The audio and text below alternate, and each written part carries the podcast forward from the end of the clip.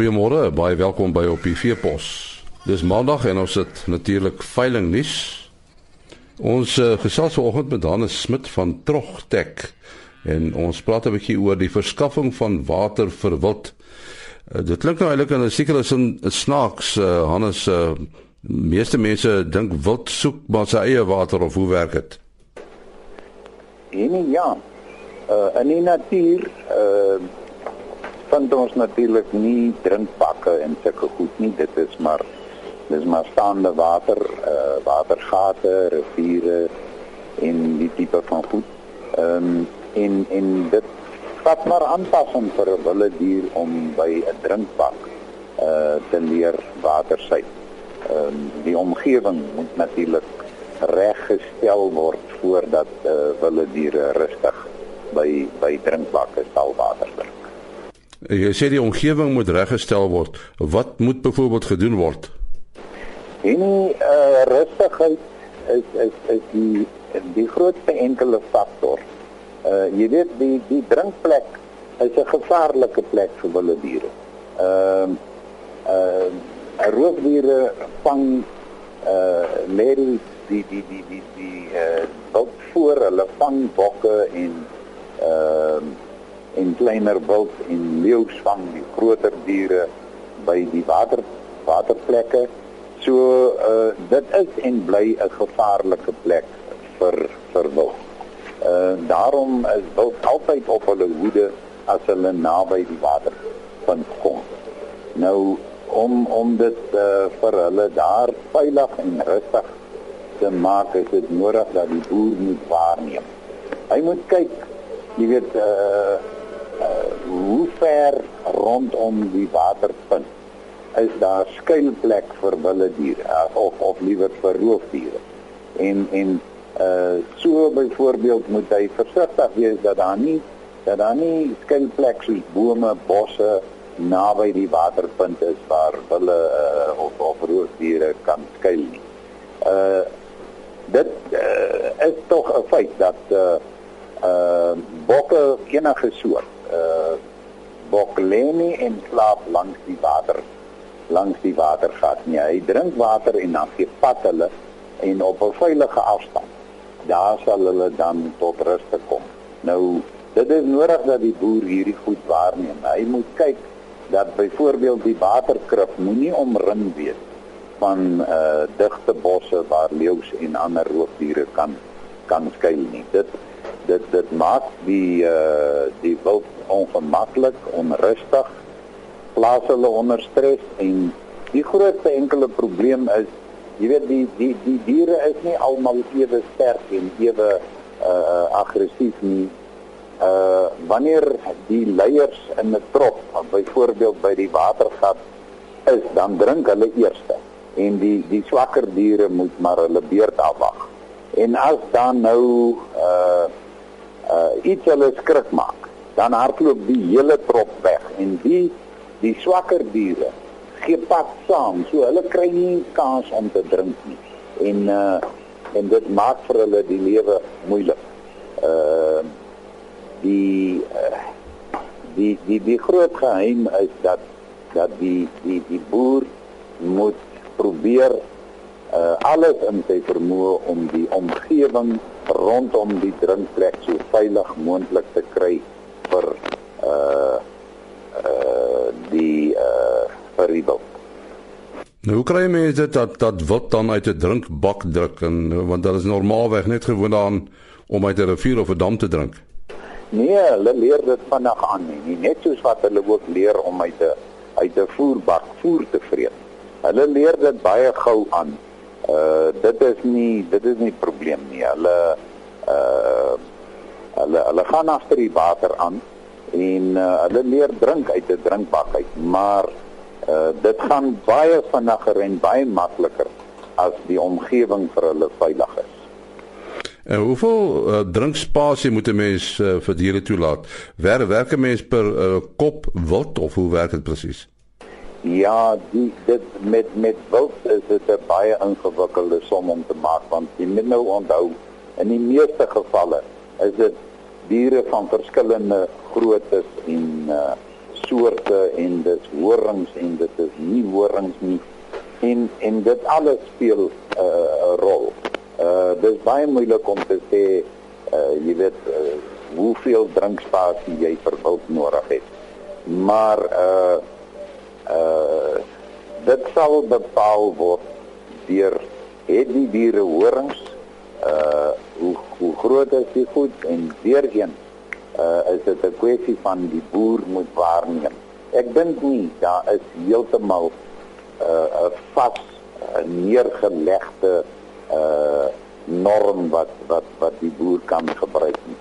Uh dit is logies, jy weet as jy as jy uh sê 300 uh stuks wild in 'n kamp het wat bestaan uit springbokke, rooibokke, blesbokke, kudus, uh uh gensbokke, elande, al sulke goed deurmekaar. Uh dan sal 'n mens maar moet seker maak dat jy meer drinkspasie skep uh sodat die groter diere nie die kleintjies uh swakker is verdring nie. Uh maar presies hoeveel wil ek nou nie vir my uitlaat om te sê jy weet soveel uh sentimeter per dier nie. Beeste werke mense op uh in die omgewing van van 300 mm uh 30 cm vir groot vee. Uh maar of 'n mens nou met wild op dieselfde uh basis kan werk is, is vir my regtig moeilik om te sê. My eie waarneming uh uh wys dat die goed drink so uitmekaar uit. Jy weet hulle is nie soos beeste wat op die waterkrib afstorm en almal wil gelyk drink nie. Wel, stories werk nie so nie. Gewoonlik uh kom hulle in sarsies en hulle kom stadig nader die voorste klompie drink en hulle gee pad en dan kom die volgende seksie. Ek dink dit is dit is maar word maar bepaal ook grootliks deur die rangorde in die in die trop. Uh ek dink dit is dit is dit is miskien die grootste enkele faktor. Nou as jy met met buffels werk wat uh, in 'n sekere sin naby aan beeste is, uh geld dieselfde reëls. Ja, by buffels uh, sal die versekerde die naaste aan aan aan die reëls vir beeste wees. Ehm um, buffels natuurlik uh met hulle groter horings gaan uh, outomaties meer drinkspasie nodig hê. Dis daar uh die meeste beeste sonder horings en buffels moet juis horings hê en en en en en en die horings is ook eintlik heel wat breër as bees. So ek dink weer eens uh, is dit 'n kwessie van waarneming en en die boer moet maar die boer moet maar kyk hoeveel hoeveel buffels is in die trop en uh hoe lank wat hy behoort te doen is om te kyk hoe lank neem dit vir die trop om by die waterpunt klaar te drink en pad te gee. Ehm um, as as hoe vinniger hulle kan drink en loop, uh hoe gelukkiger sal hulle natuurlik wees. So dit is uit en uit 'n kwessie van waarneming. Nou, alles is 'n uh, skadu naby die drinkplek belangrik. Uh nee, nee, en nie verkieslik nie verkieslik nie skadu weer naby die drinkplek nie want uh dit outomaties uh gaan die diere skrik maak. Ek uh, uh skadu weer minstens uh, 50 na 100 mm weg van die drinkplek af. Dit kan oorweeg word. Maar maar 'n mens moet nou nie byvoorbeeld 'n uh, skadu weer gaan maak uh, naby die drinkplek nie. Dit dit gaan verseker die uh, die diere afskrik. Dit gaan net 'n wegkruipplek wees vir roofdiere of hulle gaan dit sien as 'n wegkruipplek vir roofdiere. Ek meen die leeu's uh, loop nou nie outomaties saam met saam met die bokke in dieselfde kamp nie, maar onthou dit is hierdie dis hierdie diere se natuur en en uh, in die natuur uh moet hy na homself omsien en homself beveilig en daai daai skuilplek uh skaduwee plek is is uh sal vir hulle 'n skuilplek vir gevaar wees. En en hoe verskil wildkrippe van byvoorbeeld gewone beestekrippe? Man die eenvoudigste is dat by wild uh omdat hulle altyd horings het of in die meeste van die gevalle maar horings het, moet daar nie hindernisse bo oor 'n waterkrib wees. Uh by beeste ehm uh, verkies baie boere dat 'n krib byvoorbeeld iets bo oor het sodat die die uh die beeste nie binne in die krib beland nie.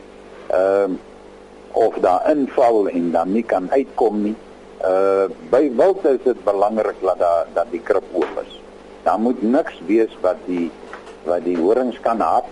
Uh nee, hy kan liewer binne in die krib beland en dan dit is ook belangrik dat die krib groot genoeg is dat uh, as dit uh uh as wild nou binne in die krib inval dat hy kan opstaan en uitloop uh krippe behoort sterk genoeg te wees dat hulle nie beskadig word uh, in so 'n geval nie maar dan moet nie hindernisse bo oor die krip wees.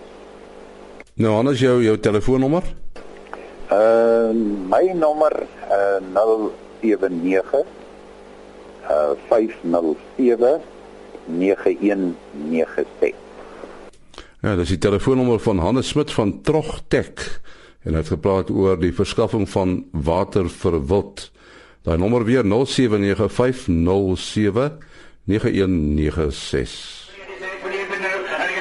Nou veiling nuus. BKB Kraddock bied die 8ste produksieveiling van die Hensel Doenie Merino stoet van CC van der Merwe en Seuns op Woensdag 28 Januarie by Grootvlei Baklie Oos aan. 70 AA en A ramme kom onder die hamer. 80 SP ramme en 80 SP oeye van Kinko Dormers word op Donderdag 29 Januarie by Swellendam, Suid-Kaap veiling te koop aangebied. Die derde Ultimate Brangus Genetics groep veiling vind op Donderdag 29 Januarie by die Kandiri Wildreservaat plaas. GWK Kimberley bied 30 SP bulle, 20 stoetkoeie met kalvers, 50 stoetverse en 100 kommersiële breingers tipe vroulike diere op die veiling namens die groep teelers aan.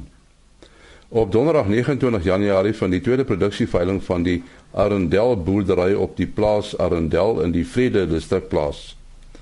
Vleis sentraal Bethlehem bied 1000 Donie Merinos en Meatmaster skape sowel as 450 Bovelder Beefmaster beeste namens Dreyer en Tuis van Wyk aan. Op Vrydag 30 Januarie van die 15de Velton Consortium Merino produksieveiling by Dordrecht plaas. Shared afslaers bied 100 ramme en 150 oeye namens Velton aan.